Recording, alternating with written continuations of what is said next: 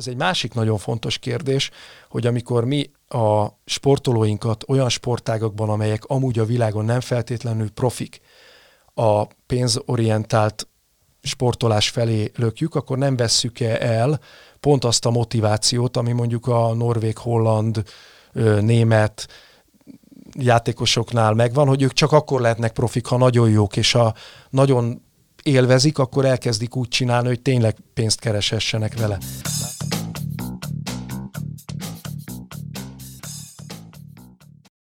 Sziasztok, ez itt az Ittszer, a 24.hu focis podcastja, én Kere János vagyok, és ezúttal is köszöntöm itt magam mellett Kálnoki kis Attillát, a 24.hu főmunkatársát. Szervusz! Szervusz Jani, sziasztok, üdvözlöm a hallgatókat! Hát alapvetően egy focis podcast vagyunk, és így is konferálom az adást mindig, de most annyira adta magát egy téma, eh, a focis párhuzamok miatt egyrészt, másrészt az aktualitás okán, harmadrészt pedig hát azért, mert itt nagyon erős áthallásokat véltünk fölfedezni, egyrészt Attilával mi ketten, másrészt én egyébként ilyen típusú olvasói leveleket is kaptam, hogy szeretnénk-e foglalkozni a kézilabda Európa bajnoksággal, a női kézilabda Európa bajnoksággal, ahol a magyar válogatott végül a tizedik helyen végzett.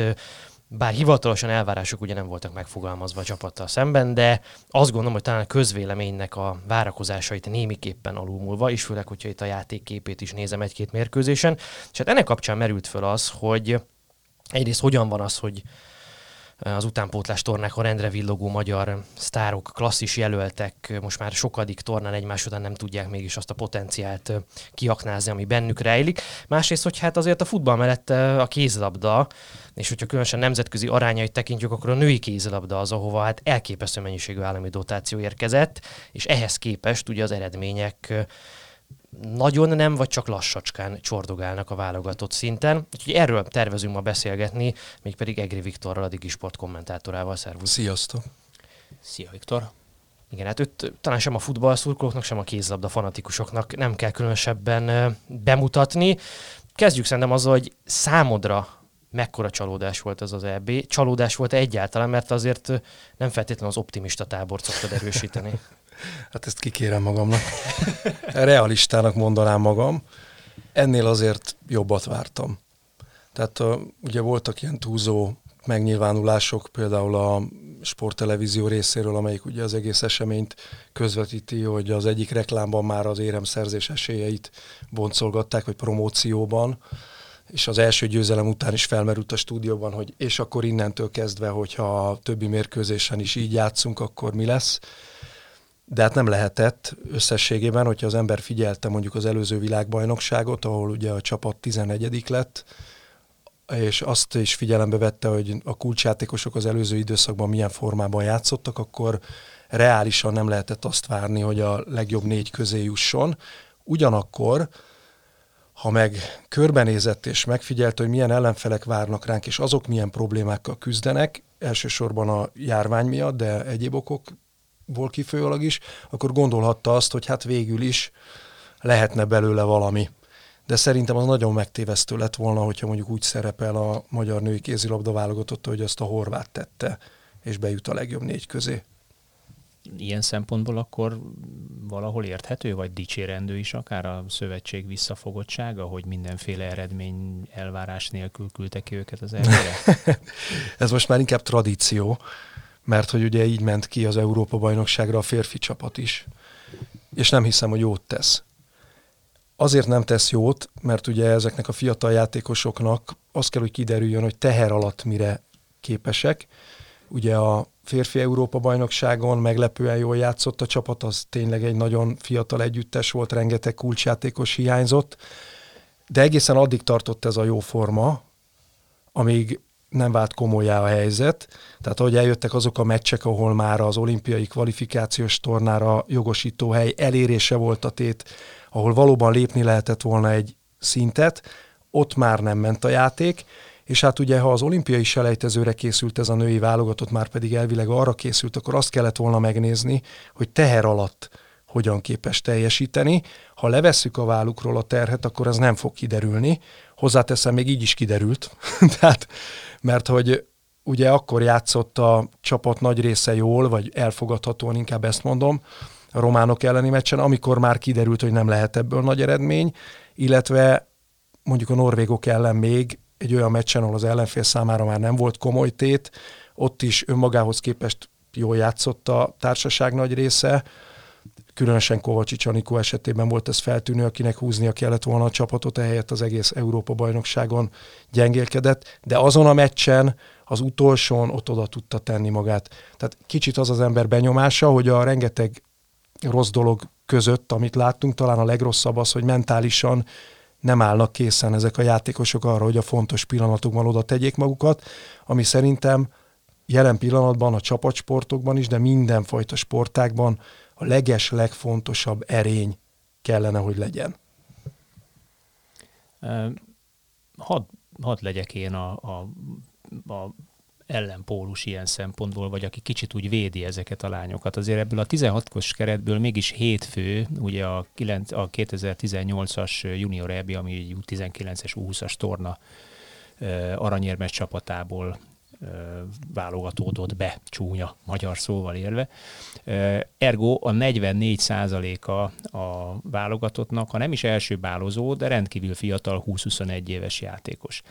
A, a sport alapvetés már pedig belem azt mondja, ugye, hogy a, a, az ifjúsági juniorból a felnőttbe való átlépés időszaka a legnehezebb, általában az a tapasztalat, hogy ezeknek a, a sportolóknak, és itt elszakadok kicsikét a labdajátéktól, mert ez a sport egészére igaz, egy két-három, némely esetben négy év, igazából később érő típusú játékosoknál négy év is el kell teljen addig, amíg beleerősödnek mind mentálisan, mind pedig fizikálisan a felnőtt mezőnyben.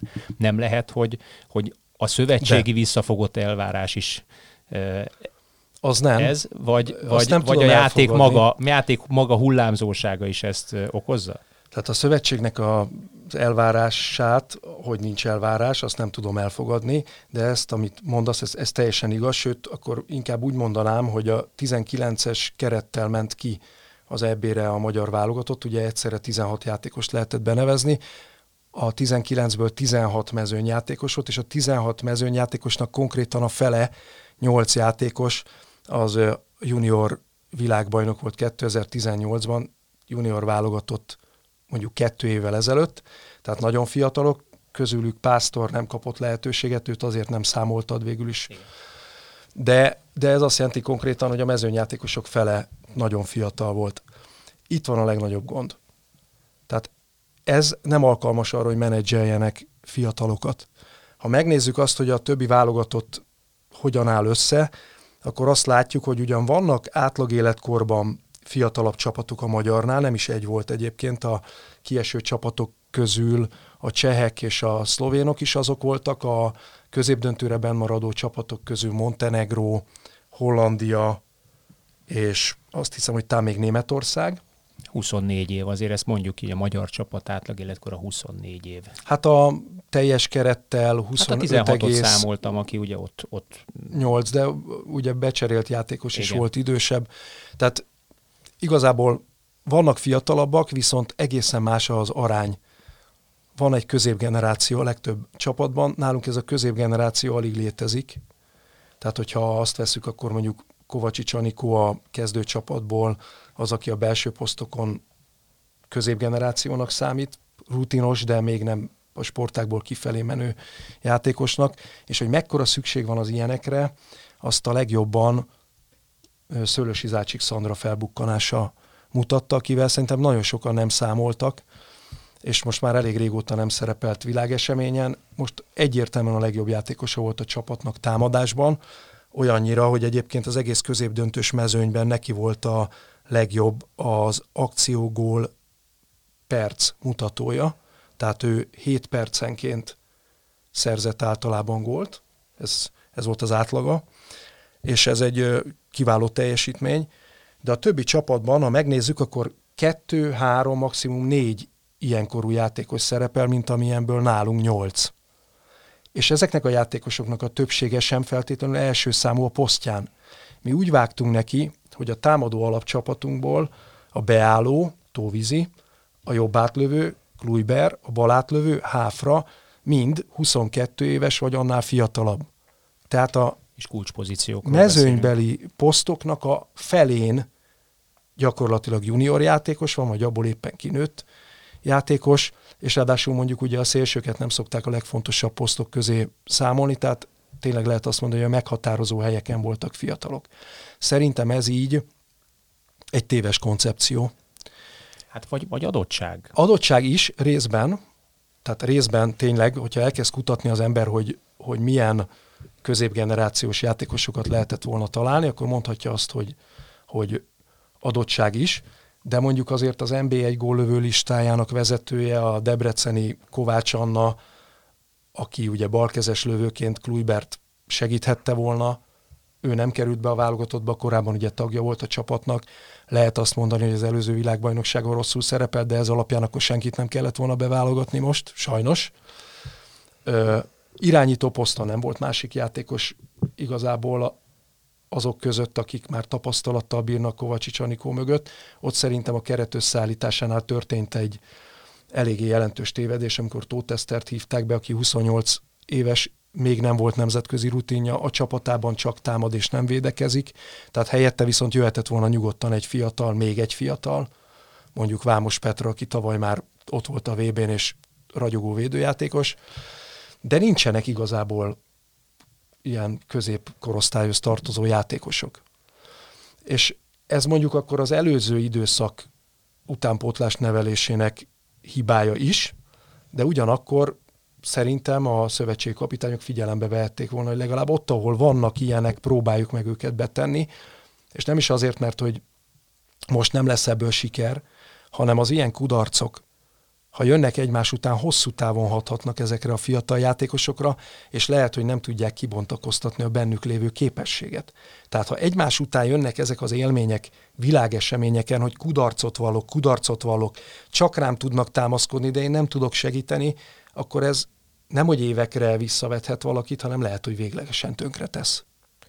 Arról mit gondolsz, hogy azok a játékosok, akik olyan ragyogó eredményeket értek el az utánpótlás világversenyeken, és egyébként egyénileg is, ha itt Háfron Noémire gondolok, megcsillogtatták a, a klasszis potenciájukat, akár bajnokok ligai mérkőzéseken is, de nagy tornákon is a klubcsapatukban.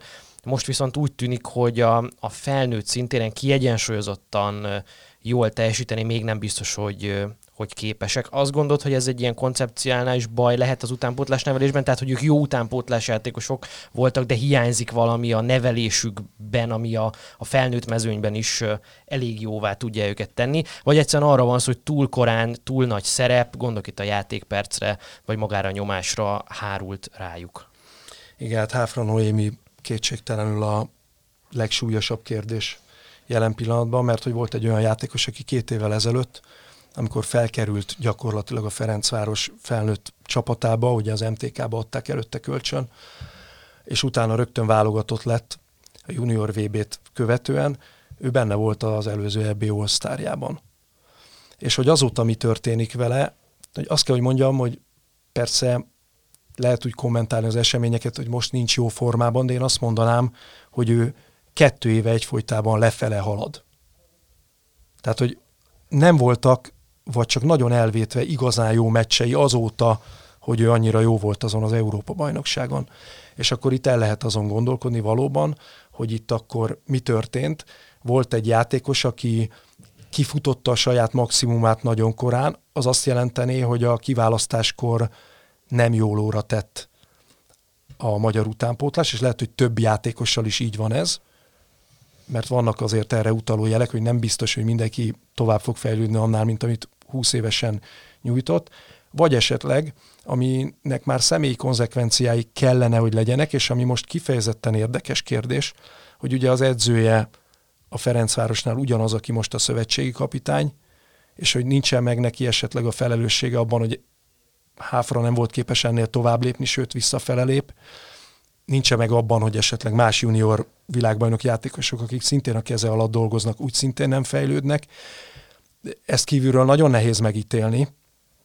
Hosszú távon fogjuk látni azt, hogy ezek a kézilabdázók tényleg fejlődtek-e a junior kor után, vagy egyszerűen ennyi volt bennük, és azért a magyar futball is járt úgy, hogy volt nekünk utánpótlás Európa bajnok csapatunk, amikről azt gondoltuk, hogy na majd, hát ők aztán tényleg, aztán legjobb esetben is nemzetközi szinten közepes játékosok lettek, mondjuk Kovács Kálmán valamennyire kinőtte magát. Gulácsi ugye a 89-es Aztán ugye itt van a junior világbajnoki bronz, bronzérmet szerző csapat, ott is azért a nagy reménységeink, német Krisztián, Koman Vladimir nem jutottak sehova. Gulácsi az, aki egy teljesen speciális poszton, ahol magára van hagyva, vagy esetleg hát, nevezzük egyéni sportnak, ne egyéni sport. igen, igen ott, szokták mondani. És hát ez a kérdés, hogy ugyanígy járunk-e ezekkel a kézilabdázókkal, és sajnos a, a mostani jelek alapján könnyen elképzelhető, mondjuk 50%-nál nagyobb az esély, hogy igen.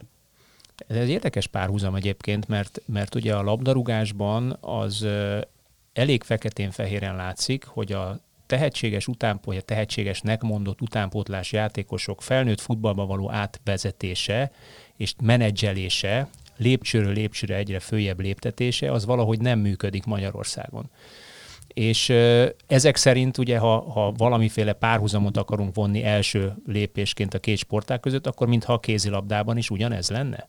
Vagy várjunk egy, még egy-két évet, amíg ezek a 98-99-es játékosok, ugye ez a korosztály, amelyik a, a junior ebben aranyérmet nyert, mondjuk 23-24 évesek lesznek, és akkor fog feketén-fejren kiderülni, hogy, hogy beértek-e vagy sem, vagy képesek-e tovább fejlődni egy lépcsőfokkal följebb lépni vagy sem? Várnunk kell mindenképpen, de a jelek nem kedvezőek. Viszont azt, hogyha már így említettem, hogy más csapatokban sokkal kevesebb az ilyen fiatal játékos, azt le kell szögezni, hogy egyrészt a nagyon nagy kézilabdázók, azok már ilyen fiatalon is ott vannak a legjobbak között. Tehát ha csak Görbic Szanitára gondolunk, ő 2003-ban 20 évesen a világbajnoki ezüstérmes magyar csapat meghatározó játékosa volt, az All-Star csapat tagja, majd a következő világbajnokságon is a legjobb irányítónak választották, majd a következőn is. Hát igen, azt mondtad, nagyon nagy, ne feled szabad. Igen. De ugye nagyon nagyból kevés van, nagyból kéne több. Igen, most akkor én azért tovább mennék ezen az úton, hogy ugye Neagu, aki a világ egyik legjobb játékosa, vagy lehet, hogy a kézilabda történelem egyik legnagyobb játékosa a nőknél, ő is nagyon fiatalon már osztár csapatokban volt Nerea Pena, akit ugye mi jól ismerünk, mert ugye Ferencvárosban majd Siófokon is játszott, ő is már 20 éves korára osztár csapattagja volt, tehát lehetne ezeket sorolni, viszont van egy nagyon fontos ö, azonosság ezekben az esetekben, hogy ezeknek a játékosoknak, akik korán kinőttek, és ott is maradtak a többsége, nagyon rutinos játékosok közé került a válogatottba, egy nagyon jó csapatba. Ha megnézzük most, akkor például a, a 2018-as junior világbajnokság legjobb norvég játékosa, Reistad, ott van most a nagyon idős norvég válogatottban, elnézést hölgyekről van szó, de tényleg a legidősebb válogatott, igen, sport szempontból, magas átlagéletkorú, és Reistad nagyon jól szerepel ebben a csapatban, ugye első számú balátlövőnek számít, mondjuk azért, mert a posztján lévő többi játékos norvég szinten egyáltalán nem kiemelkedő, de ő hozni tudja ebben a csapatban azt, amit kell, akár még a, az All-Star csapatba is jelölhetik itt is, na de úgy, hogy rajta kívül nincsen 25 évnél fiatalabb játékosa a norvég csapatnak. Tehát egészen más, amikor egy-egy játékos kerül be egy jól működő gépezetbe fiatalként, és az emeli őt, mint amikor neki kéne a többieket felemelnie. Ez a teher az, ami szerintem túlzott ezeknél a játékosoknál még, viszont nagy kérdés, hogyha már emelésnél hogy ezt a szót használtam, akkor hogy ebbe lehet-e olyan sérvet kapni, ami utána sajnálatos módon nem kiheverhető, nem oldható meg egyszerű operációval, hanem bizonyos szempontból a pályafutás megtörését jelenti. Azt hogyan látod, mert nekem az egy veszőparipám a magyar futballal kapcsolatosan, hogy ugye nem termel elég mennyiségben elég jó minőségű játékos. Tehát, hogy egyszerre van egy mennyiségi, meg egy minőségi probléma is. És hogy ez okozza ezeket a gondokat? E, igen, de hogy a kézilabdában most, hogyha kifejezetten a női mezőre koncentrálunk, úgy tűnik, mondom, az utánpótlás eredmények, meg az itt részletezett reményeink alapján, mintha minőség lenne, Kérdés, hogy mekkora mennyiségben van ez a minőség. Tehát ha mondjuk a Háfra Noéminek vagy a Kluibernek a karrierje mégsem úgy alakul, ahogy azt mi gondoltuk, vagy gondoljuk még most is, ne így legyen, akkor van-e mögöttük olyan hátország, aki viszont lehet, hogy később érik, később futja ki magát, de adott esetben a helyébe léphet, vagy a helyükbe, vagy eléjük léphet a válogatottnál? Ugye az egyik szakmai irányító Zsiga Gyula veszőparipája ez, hogy alapvetően ott romlott el a magyar kézilabdának az utánpótlás nevelése, hogy a korai érett gyerekeket favorizálta a korai eredmények elérése céljából. És az egy nagyon nagy kérdés, hogy most létezik-e... Futball. A futballban is hasonlóan, hogy van-e egy második vonal a magyar utánpótlásban, amelyik mondjuk a később érőket még tudja annyira edzeni, és annyira fejleszteni, hogy majd akkor 23-24 évesen érjenek be. Hát vagy tud annyi szívet adni, hogy ne hagyja abba. Hogy ugye, ne hagyja ugye abba. Azért a, a, a lemorzsolódás a 19-20 éves korban nem csak futballban kézzel, az összes sportákban jelentős, de mondjuk, hogyha valaki tehetséges és 18-19 éves koráig nem nagyon kap szívet, meg támogatást, akkor viszonylag könnyen adja meg magát a, az egyszerűbbnek vélt tanulás egyetem privát szféra irányába, mint hogy egyébként ott maradjon, és azt mondja, hogy de én egy életem, egy halálom fölteszem rá, rá, és még három évet nyomok, amíg beérek. Mondjuk ebben azért az erős anyagi hátország segíthet, hiszen azért nem érdemes abba hagyni. Nem érdemes, igen, Vagy érdemes folytatni. Hogy mondjam, tehát egy, egy átlagos NB1-es játékosnak Vagy elkényelmesít, mert, mert hát így is megkapom a pénzem ezen ez a is szinten lehet, is. Ez is lehet. Igen, hát erről elég sokat beszéltünk a magyar futball kapcsán korábban, hogy ugye olyan pénzeket lehet itthon keresni, hogy most már nagyon kevesen indulnak el nyugatra, miközben az egy nem csak hogy kihívás, hanem egy a játékos jellemét, karakterét is fejlesztő igazán nagy megméretés lehetne, és ugyanez van a kézilabdában is, tehát nagyon kevés a légiósunk. Aki kimegy, az is elsősorban nem pénzért megy ki, mint korábban, hanem azért, mert nógatják, hogy menjél már ki, hát ha ott valamit fejlődni tudsz. Mondjuk a kézilabdánál, a férfiaknál vesszük. Hát, hogy Ligetvári például ott tudott játszani, itt meg nem. Igen, Ligetvári... Spanyolországban lehúzott három évet talán? Hát annyi nem volt, kettő, kettőt kettő mondjuk, de látszik, hogy visszajött, és továbbra is elsősorban védekező specialista, nem tudom, hogy ez mennyire szolgálja az ő egyéni fejlődését. Vagy akként számolnak vele? Igen, de mondjuk Máté Dominik, aki meg Balatonfüreden szemmel láthatóan megrekedt egy idő után, most kiment Norvégiába, és látszik pillanatok alatt, hogy a csapat egyik legjobbjává vált, egészen más a mozgása és a testfelépítése is megváltozott néhány hónap alatt, tehát hogy nagyon komoly eredményeket ért el. Van értelme kimenni, csak ez a nagy pénz, ez tényleg visszafogó hatású. A női kézilabdában pedig fokozottan, mert hogy ebben a sportágban alig léteznek pusztán profi alapon működő ligák. A legtöbb az amatőr, félamatőr, félprofi félprofi-profi. Tehát, hogyha a horvátokat vesszük például, hát a horvát női bajnokság az egy szinte nem létező Hát az kitaláció. volt, hogy nővérek és uh, irodisták és egyebek alkotják Igen. ugye idézőjelbe a csapatot. És lehet így eredményt elérni. Ez egy másik nagyon fontos kérdés, hogy amikor mi a sportolóinkat olyan sportágakban, amelyek amúgy a világon nem feltétlenül profik, a pénzorientált sportolás felé lökjük, akkor nem vesszük -e el pont azt a motivációt, ami mondjuk a norvég, holland, német játékosoknál megvan, hogy ők csak akkor lehetnek profik, ha nagyon jók, és ha nagyon élvezik, akkor elkezdik úgy csinálni, hogy tényleg pénzt keresessenek vele. Nálunk ez nem így van, tehát nem élvezetből sportolnak ezek a játékosok, hanem szerintem már 15 évesen belátják, hogy ebből pénzt lehet majd keresni. Hát igen, meg az is egy hamis képet rajzolhat a fiatal játékosok fejében, hogy hát hova menjek, hát a világ legerősebb bajnokságában játszom. Ugye, tehát amikor, amikor valamelyik bajnokságra, amelyik egyébként szinte egyetlen a világon, ahol mondjuk az összes csapat profi és tisztességesen lehet keresni, nemzetközi mércével nézve is tisztességesen lehet keresni, különösen női kézilabdában, akkor hova menjen a fiatal? De miért mondja, hogy én a világ legjobb bajnokságában szeretnék játszani, könyörgöm? Igen, de mondjuk ez de nem feltétlenül igaz, hogy a magyar a legjobb bajnokság, de mondhatjuk róla, mert rengeteg külföldi válogatott játékos, meg klasszis Hát jó, de ez, ugye ez, ez, a magyar médiában azért egy, igen, egy igen. közszájon forgó jelző, hogy a női kézilabda bajnokság a magyar Abszolút. a világ legerősebb bajnoksága. De ugye János feltette a kérdést, hogy van-e vajon megfelelő mennyiségű játékos a kiemelt juniorok mögött, akik közül majd néhányan esetleg tovább fejlődnek és felnőttként berobbanhatnak.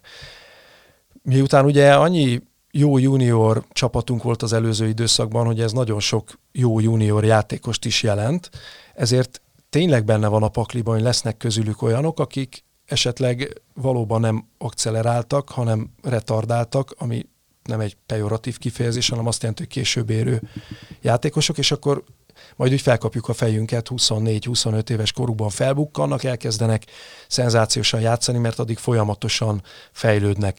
Tehát ez is lehet, hogy nekünk majd nem Háfrának, meg Kluibernek kell néhány év múlva örülnünk, hanem esetleg másoknak, akikre most nem is gondolunk annyira, vagy nem annyira ismert a nevük a közvélemény előtt. De jelen pillanatban mondjuk az a helyzet, hogy ezek a játékosok azok, akik olyan helyre kerültek klub szempontjából, ahol elvileg adott a lehetőség a fejlődésre. Az elvileget azért nagyon hangsúlyoznám, miután a gyakorlatban ugye ez egyelőre kétséges, hogy megvalósul-e, és nagyon nagy kérdés, hogy még olyan csapatokból, amelyek nem játszanak komoly nemzetközi mérkőzéseket, lehet-e így fejlődni. Hozzáteszem, hogy erre azért a horvát válogatott adja meg a választ, mert a magyar mellett ugye a horvát volt az a csapat, amely igazából egy klubra épült nagyon, a magyar a Ferencvárosra, a horvát különböző okokból a Lokomotíva Zágrebre. A Lokomotíva Zágreb az az előző években a Challenge kupában indult Európában, ami egy fel, felzárkóztató liga, tehát ott nem is indulnak magyar csapatok, mert mi túl jók vagyunk ahhoz, hogy ott szerepeljünk, és e, erre a csapatra építve tudott ide elérni a horvát válogatott. Azért csendben hozzáteszem, hogy ezt sem kell túlértékelni, mert roppant szerencséje volt a horvát válogatottnak. Egyrészt az, hogy ellenünk kezdett, sajnos, azt a meccset megnyerte, ez emelte, majd volt kettő olyan találkozója, amikor sokkal fáradtabb ellenféllel találkozott a németekkel és a hollandokkal úgy, hogy ugye mind a két csapat 24 órával 24 óránál kevesebbet pihent, miközben a horvátoknak volt plusz napjuk regenerálódni. Ezen a két meccsen dőlt el ugye, hogy oda kerül a négybe. Meggyőződés, hogy nem verte volna meg semmelyik ellenfelét a kettő közül, hogyha azonosak a feltételek. De ettől függetlenül, amit látunk a horvátoknál, az azért valamit mutat abból, hogy más úton is lehet, amit mi nem próbáltunk. Viszonylag érzékletesen körülírtátok itt mind a ketten, hogy milyen mennyiségben folyik állami pénz ebbe a rendszerbe, az utánpótlás nevelés felől egyébként, és hogy ez olyan mértékű ez a dotáció, amilyet világszinten páratlan. Tehát a női kézlabdára ország, gazdaság ennyit sehol nem költ, nyilván ennek megvannak a maga okai, és ugye közben tudjuk, hogy azért a férfi mezőnyhöz képest a női valamivel szűkebb, vagy sokkal szűkebb, nem biztos, hogy annyira globális maga ez a sport, mint a férfi szakág. Tartható-e az, hogy ilyen mértékű dotáció, ilyen állami akaratvállalás, meg, meg szerepvállalás után is Európa bajnoki tizedik helyek, meg olimpiai kijutás azok, amiket eredménynek kell neveznünk. Arra akarok kiukadni, hogyha, és azért most már eltelt ugye nyolc éve voltunk legutóbb négyben egy, egy nagy tornán, még Karl Erik Bőn vezetésével. Uh, szóval, hogy előbb-utóbb itt kell, hogy legyen valamilyen felelős, ha ez nem változik. Hm. És ki lehet az a felelős? Tegnap jött a hír, nem? Jól emlékszem, hogy 10 milliárd forintot kaptak vészhelyzeti alapon a, az állami akadémiák. Ebben nem csak a kézilabda van benne, hanem a kosárlabda, meg a futball is. Tehát, hogy én úgy látom, hogy ha nem megy, akkor még jobban erőltetik Magyarországon ez a következtetés. Hát, még több olajat öntenek a tűzre, tehát ugye még, na, szóval nem, igazából én ezt nem, nem értem, főleg ugye, ha csak a futballra fordítom, aztán a kézilabdára, meg a kosára végképp nem, de mondjuk évi egy milliárd forintot azt kell mondjam, pazarolni egy futballakadémiára, az nonsens. Ugye a TAO pénzeknek maguk, utána maguk, néztem most a kézilabdában. De, de, tehát de, bocsánat, is... még egy mondatot engem, még maguk a, a, a futballban dolgozók is azt mondják, háttérbeszélgetések, gyerekek, hát a, a fele is sok. Hát ez, bocsánat, ez ugye inflációhoz vezet, tehát, követ, tehát valahol ugye ingyen pénz kerül a rendszerbe, tehát azért nem nyomtat ugye az állampénz, mert az infláció lesz belőle. Tehát ugyanezt látjuk kicsiben, tehát ha könnyen jön a pénz és hullik az égből, és annyi van, amennyit szeretnénk, annak a nagy része úgyis elinflálódik, tehát nem hatékonyan a fejlődésre fordítódik. Ugye mondjuk úgy, hogy a kézilabda puskás akadémiája az a NECA. A NECA-nál hát ott elég sok pénzt költöttek el. Most a mostani női kézilabda válogatott keretében egyetlen olyan játékos van, aki ott nevelkedett, pont az a pásztor, aki nem jutott szóhoz, tehát a szűkített keretbe meccsre már nem került oda. Nagy kérdés, hogy akkor ez egy jól működő akadémia-e. Most ezzel kapcsolatban megjegyezném, hogy például Serdülő csapatukat megnéztem, hogy a lányserdülő csapatban a Nekán 48 játékos van, ennyi van beírva, mondjuk minden játékos szerepel általában kettő csapatban, tehát nem csak a serdülőben játszanak ők, hanem egy másikban is. De mondjuk akkor ezt felezzük meg, hogy a 24 játékos is iszonyatosan sok egy utánpótlás csapatban, még akkor is, hogyha feltételezzük, hogy néhányan esetleg betegek vagy sérültek a társaságból. Szerintem az ilyen szintű koncentrációja a tehetségeknek káros, mert ezek a játékosok egymás elől szívják el a játék lehetőséget, és egyszerűen nincs meg a fejlődésükhöz szükséges pályán töltött perc mennyiség. Tehát én szerintem ez a koncepció alapvetően a nekánál rossz.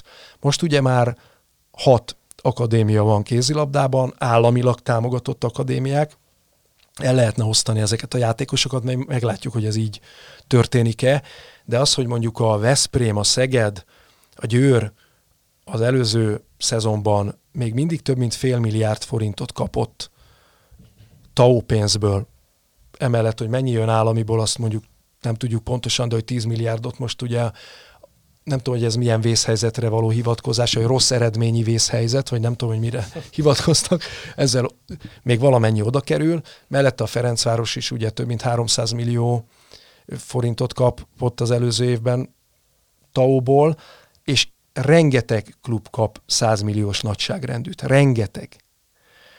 Én szerintem ilyen nincsen a világon sehol. Sőt, hát nem én szerintem, hanem konkrétan ilyen nincsen. Hogy el lehet-e azt viselni, hogy ebből aztán a végén esetleg nem lesz eredmény, az nagyon kétséges. A politikai vezetés szemmel láthatóan el fogja viselni. Az emberek lesznek egyre dühösebbek, mert mindig azt hiszik, hogy jön valami jó, aztán, hogyha nem, akkor nagyon nagy baj van. Rosszul érzik magukat. Ö, nagyon nem mutat ez jó képet. A fiúkban persze most azt mondhatjuk az előző EB után, hogy bízhatunk, hiszen ott egy nagyon fiatal csapat sokkal jobban szerepelt, mint vártuk. Most jönne megint egy világbajnokság majd Egyiptomban, ahol hát olyan körülmények között lehet teljesíteni, ami szerintem optimális, mert rengeteg ország fontos játékosai nem akarnak elmenni erre a világbajnokságra, mert azt mondják, hogy a koronavírus járványban ez nem feltétlenül megfelelő esemény. Ugye a Bundesliga játékosok nagy része nem akarja vállalni például, és rengeteg válogatott épül rájuk. Tehát itt is el lehet érni egy eredményt, de ott is az a kérdés, hogy mi lesz hosszú távon. És nem látjuk ennek az egésznek a végét, csak azt, hogy a pillanatnyilag nem állunk jól. És nagyon nagy probléma az, hogy ugye a női szakág koncentrál erre az olimpiai selejtezőre, amit egész könnyen vehet, mert játszani fog egy olyan szerb válogatottal, amelyet most nagyon megvert. Mondjuk 12-vel, igen, vagy mond, jól emlékszem. Hát sokkal, teljesen mindegy egyébként, tehát 10 góllal. Na de úgy, hogy a szerbek nem pihentek, tehát ugyanaz volt a helyzet, mint amit a horvátoknál említettem, hogy ők 18 órával előtte még meccset játszottak, a mieink. De mondjuk utána azért az orosz Kína az nem annyira egyértelmű. Hát jó, Kínát szerintem meg kell verni, tehát akármi történik. Az oroszoktól már ha szerbeket megvertük, akkor akár őket is. ki is lehet kapni. Hát, ja, igen. ugye az első kettő jut tovább, de ugye a szerbeknél nincsen a, vagy nem lesz a legjobb játékos Andrea Lekic, aki most sérült meg úgy, hogy nem tudja vállalni, de hogy az egész arra lehet jó, hogy igazából el lehet fedni a problémákat. Hogy ezen az Európa-bajnokságon is a románok legyőzése az ehhez tapadó érzelmi hozadékkal, az arra volt jó, hogy el lehessen fedni a problémákat, mert a szurkolók többsége most azt mondja, hogy jó, hát nem ment olyan nagyon jól, de legalább a románokat megvertük. Ha az olimpiára kijut a magyar csapat, az semmit nem jelent, mert ott lenni a 12-ben női kézilabdában az nem olyan nagy teljesítmény. Az egész mondjuk a két évvel ezelőtti Európa-bajnokságon elért hetedik helynek lenne köszönhető, amióta ugye folyamatosan rossz eredményeket ott, produkál ott, ott találtak egy bűnbakot, bocsánat utána, tehát hogyha végülis a Kim Rasmussen volt, volt már bűn, tehát ugye bűnbakok találódnak, uh, ugye az előző kérdésben visszakötve, csak abban nem vagyok biztos, hogy jó bűnbakok találódnak meg. Aki elkezdte az egész fiatalitást Igen. egyébként, ugye ezek a, a 7-8 lány, akiről beszéltünk a, az elején, ők mind akkor kerültek be a válogatott keretbe, bő vagy szűk keretébe. Igen.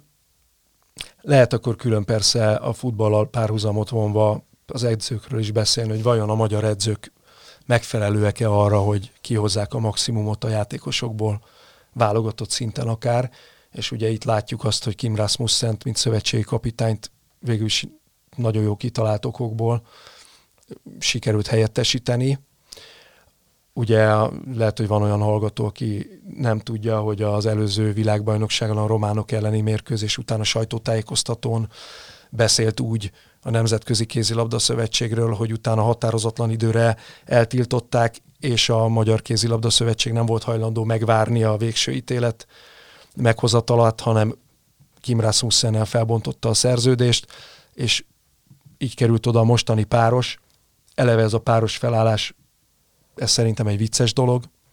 Egy olyan Elek Gáborral, aki egy tradicionálisan autokrata Ferencvárosból érkezik. Ezt most úgy értem, hogy a Fradi női kézilabdánál az volt a szokásos évtizedek óta, hogy van egy meghatározó személyiség, aki mindent egyedül csinál a csapat körül, akinek a szava egyértelműen döntő. Nem tudom, hogy egy ilyen ember tud-e teamben úgy együtt dolgozni, hogy elvileg vele egyenrangú társ van, de az egész stáb összeállítása inkább arról szól, hogy most megmutatjuk kifele, hogy mekkora az összefogás, miközben Danyi Gábornak nem tudom, hogy milyen kötődése van a válogatott játékosokhoz, miközben az összes fontos kézilabdázó Ferencvárosi vagy ott játszott, vagy most is ott játszik. Szóval az egész egy már eleve rossz képződmény, szerintem. Ö, és hát kérdés ugye, hogy egyenként megvan-e az a hát igen, képesség. Erre, erre megmondhatják azt, hogyha külföldit hozunk, az a baj, mert ugye erről is volt példa, de ha magyar, akkor az a baj. Életvitelszerűen itt kell élni. Én igen, ez igen. De, de ki volt a rossz? Ugye ez, talán Dusebájevet mondják. Dusebájevet is mondták, igen, hát de látod, hogy ugye végül is a Rasmussen is utilaput kapott, okkal, ok nélkül. Igen, hát ha összehasonlítjuk. Kellő türelem, vagy kellő türelmetlenség, vagy kellő türelem hiány és türelmetlenség Igen. mellett. Hát ha összehasonlítjuk mondjuk ez, ezen az Európa-bajnokságon elért eredményt a tavalyi világbajnokságon elért el, akkor azt lehet mondani, hogy a magyar csapat az előző világbajnokságon a 13. legjobb európai volt, most pedig a tizedik legjobb európai, de ugye a román csapat, amelyik akkor legyőzött minket és megelőzött, és akit most megvertünk, az összehasonlíthatatlan az egy évvel ezelőttivel, ez egészen biztos. Most a, ugye a svédek akkor is előttünk végeztek. Na mindegy, hogyha ezeket mind megnézzük, akkor az ottani csapatok sokkal erősebbek voltak az ellenfelek, mint a mostaniak. Igen, de, de ugye a, a magyar sportkultúra és a sport, sportközvélemény az van szoktatva, hogy ugye a sikert nem kell megmagyarázni, a kudarcot meg minek. Tehát amikor, amikor mi mindig elkezdünk a, a mi kicsit mélyebb szakmai elemzésekbe bonyolódni, mert hát ezek azok, ugye, ami esetleg érdekelhet sportági szurkolókat, fanatikusokat, akkor mindig azt kapjuk meg, hogy de hát gyerekek, hát a 10-ről 13-ról 10 az előrelépés pont kijutottunk pont. Tornász válogatott harmadik lett pont. Hát mit kell ezen megmagyarázni? Azért hát, kell de hát, de hát azért, de hát azért én, én pontosan azt gondolom, hogy azért kell megmagyarázni, mert a köz, már a középtávú, nem ugye a hosszú, már a középtávú folyamatokat is befolyásolja, vagy képet adhat róla. Igen, esetleg kevésbé lepődik meg majd akkor a hallgató, vagy a sportági fanatikus, hogy a következő tornán nem ez az eredmény születik, ha meghallgatja az esetleges jobb eredményeknek is a kontextusát. Szerintem én, ezért fontos. Én, én, nagyon, én például nagyon büszke vagyok a tornász fiúkra, akik egyébként élni tudtak a, a lehetőséggel, tisztességesen megcsinálták a gyakorlatokat, hozták a papírformát, ami pillanatnyilag az volt, hogy miután kilenc nemzet távol maradt, a kilenc legerősebb európai nemzet távol maradt az Európa-bajnokságtól, harmadik helyen beértek. Ez valóban történelmi siker. De én nagyon büszke vagyok rájuk, de mégis azért nézzük meg, hogy áprilisban mi lesz majd a kvalifikáció, mert az mutatja meg egy sportágnak az erejét, hogy a közelmúltban és a közeljövőben, mondjuk egy 5-8 éves időszakban mit produkál. Hogyha visszakanyarunk a női kézilabdára, ugye akkor azt látjuk, hogy a 2000-es évek eleje volt a, a magyar női kézilabda aranykora, azóta viszont mondjuk 2010-től kezdve egész komoly bukdácsolás van. Igen, hát, Azaz tíz éve, pont az alatt a tíz éve van bukdácsolás, amióta jön a pénzeső. Jó, nyilván pedig tíz év, pedig, igen, de, de hatása később. Igen, érződik. de tíz éves sportban, ugye és erre rögtön ez a válasz, tíz éves sportban lényegében arról szól, hogy tíz éves kortól 20 éves korig, vagy 14-től 25 éves korig fölviszel egy olyan sportolót, aki már vastagon bele kell álljon a felnőtt mezőnybe. És ez valahogy úgy látszik, hogy, hogy nem teljesen uh, sikerül. 2012-t említette János, ugye a Kál Erik Bőnös Európa bajnoki szereplés. Na most azóta ugye volt egy horvát-magyar közös rendezésé ebből 2014-ben, ahol a magyar csapat hatodik helyen végzett. mondjuk úgy, hogy a norvégok kedvessége miatt, mert hogy nem árt visszaemlékezni arra, hogy akkor volt egy olyan utolsó középdöntő mérkőzés a norvégok ellen, ami már nekik nem számított, ők már bejutottak a legjobb négybe, és azt a meccset egyszerűen elengedték, hagyták, hogy a magyar csapat nyerjen. Ha ott a magyar csapat kikap, akkor a középdöntő csoportjában nem harmadik helyen végzett volna, hanem ötödik helyen, tehát ugyanígy, mint most a 9 helyen végzett volna az Európa-bajnokságon. Aztán jött ugye 2016 egy totális kudarc, egy 12. hely az Európa-bajnokságon, tehát azt kell, hogy mondjuk, hogy a két évvel ezelőtti hetedik hely az volt a kiemelkedő, az volt a trendtől eltérő, és ez a 2020-as tizedik hely, ez pedig illeszkedik. Azon kell elgondolkodni, hogy mitől volt olyan jó az a két évvel ezelőtti, és ha ezt megtaláljuk, akkor talán megtaláljuk az okát. Mondjuk ott kevesebb volt még a valamennyivel az ennyire fiatal játékos, ott megvolt a középgeneráció, és hát ugye nem említettem akkor, amikor erről beszéltünk, hogy ki jöhetne még a középgenerációból ide, ugye van egy Tóth Gabi, aki most sérült az előző eseményeken, ott volt, ő ide jöhetne, de szeretnék valakit kiemelni, aki azon az Európa-bajnokságon tűnt fel a magyar nézőknek, hogy egyáltalán létezik ezen a szinten, ez Planéta Simonetta. És hogyha megnézzük, akkor a horvát válogatottban van egy hozzá nagyon hasonló alkotú játékos, aki a védelem tengelyében és átlövőként is, illetve magában az attitűdjében rengeteget segít a válogatottnak. Planéta Simonetta is egy meglehetősen vidám, jókedélyű játékos, aki valószínűleg a franciaországi szerződésének köszönheti ezt, mert előtte egy végtelen terhelt játékosnak tűnt idehaza.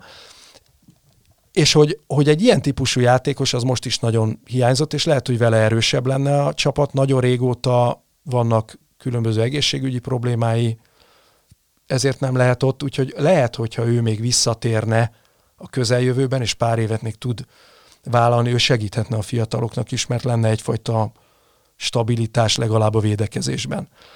De hogy még egy kicsit az edzőkről beszéljünk, ugye egy dolgot mindenki megállapított Rasmussen ideje alatt, hogy a magyar válogatottnak a szélsőjátéka, ami egyébként a skandináv kézilabdának, az északi kézilabdának abszolút alapköve, az nagyon nagyot lépett előre, ez volt az egyik meghatározó szegmens. Érdemes megállapítani, hogy erről lemondott ezen az eseményen a, a magyar szakvezetés.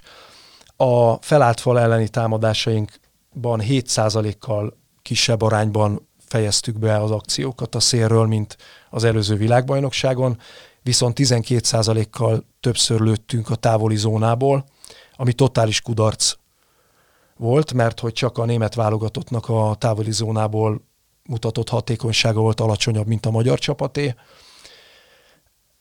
Ugyan tudjuk, ez a kézilabdának egyik alapja, hogy ha távolról lősz, akkor és gólokat érsz el, akkor az sokat segít, mert kilépnek rád a belső területeken a hatos előtt is sokkal több lesz a lehetőség. Na de ha rosszul lősz kintről, az csak erősítő, hogy maradjanak hátul. És a legfontosabb meccseken, például a németek elleni találkozón volt a legkisebb a szélről befejezett lövések aránya, és valami megfoghatatlanokból az volt a koncepció az elejétől egy igen magas fallal szemben, hogy 9 méterről próbáljuk átlőni őket. Szóval én itt azért elhibázott taktikai elképzeléseket is látok, ami még egyszer felveti a kérdést, hogy vajon a magyar edzők állnak-e úgy általában azon a szinten, mint az idehozott külföldi trénerek, Kim Rasmussen, Ambros Martin, Csema Rodriguez, aki nem is volt edző, mielőtt Magyarországon az lett volna, vagy akár talán Dusebájev, aki megbukott itt, de azóta folyamatosan igazolja, Csak hogy... itt bukott meg. Igen, hogy itt lehetett valami rossz, mert ő egyébként jó edző.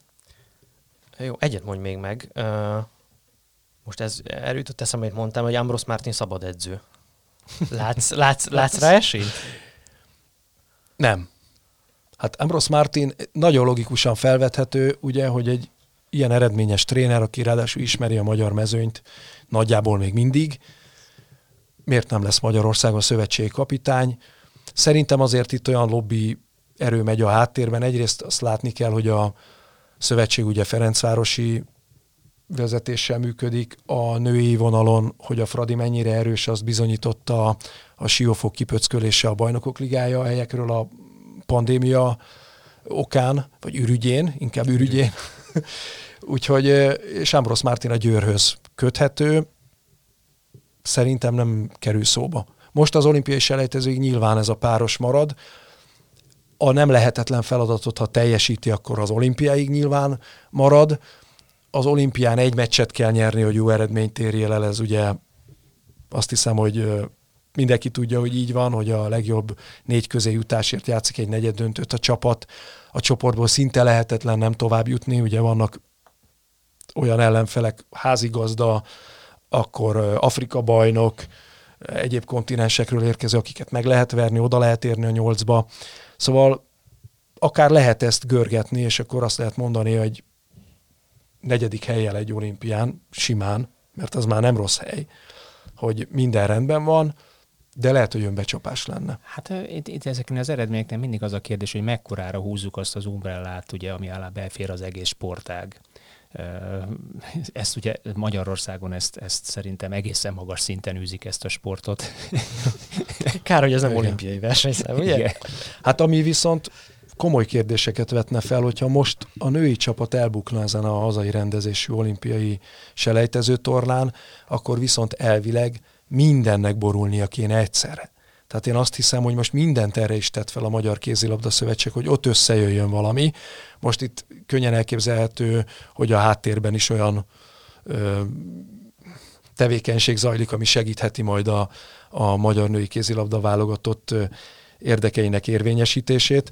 Eleve az, hogy mondjuk itt rendeznek tornát, az viccesé teszi a lebonyolítást, mert hogy jobb helyen végzett csapatoknak kellene, és nem voltunk a jobb helyen végzett csapatok között a, a négyes torna résztvevői közül, de ugye erre lehetőséget ad az IHF, tehát ezzel élt a, a Magyar Szövetség, de gondoljunk bele, hogy előfordulhatna két egymást követő olimpián, hogy sem férfi, sem női csapata nincs ott Magyarországnak kézilabdában. Miközben teljel mézzel folyó kánaán a magyar kézilabda. Tehát azt hiszem, hogy az lenne az a pont, amikor már egyszerűen nem lehet a szőnyeg alá söpörni ezt a sok problémát, mert annyira púpos a szőnyeg, hogy minden lépésnél hasra esünk. Hát azért ez, szerintem azért a lányokat figyelembe vesz, ne kívánjuk neki, én mindenképpen szurkolok a, Nem a kívánjuk, csak... Persze. Csak ezt hangsúlyozzuk ki, hangsúlyozzuk. nehogy megint, megint az a kritika, igen, hogy mi hát jó lenne, ha nem vagyunk ellenszurkolók. De nem lenne jó, hogyha a kijutás az viszont felmentést adna minden alól. Hát csak legyünk tisztában az eredménynek a, a hátországával. Én mindig ezt De ugye azzal is tisztában vagyunk, hogyha kijutunk, kijut a magyar női kézilabda válogatott, az viszont felmentést fog adni. Tehát onnantól kezdve senki nem fogja úgy érezni, hogy tenni kéne valamit. Hát ez az EB biztos, hogy nem fog érdekelni senkit, nem. ha sikerre veszük az olimpiai selejtezőt. Vagy azt gondolod, Attila, nem, hogy... hiszem, hát ezért mondtam, hogy az Umbrella húzásban világbajnokok vagyunk. Na hát köszönöm szépen, Viktor, hogy felnyitottad a szemünket sok tekintetbe, és beavattál bennünket a kézilabda rejtelmeibe. Azt remélem, hogy talán azoknak is érdekes volt ez az adás, akik kevéssé lélegeznek együtt a kézilabdával és a női kézilabdával, viszont a futball miatt hallgatnak bennünket, és talán tudtunk húzni egy-két olyan párhuzamot, ami meggondolásra vagy átgondolásra érdemes. Köszönöm Attila neked is, hogy itt voltál, és köszönöm a hallgatóknak is a figyelmet. Arra kérem őket, hogy tartsanak velünk a jövő héten, és amikor egy új témával és egy új vendéggel érkezünk. Sziasztok! Sziasztok!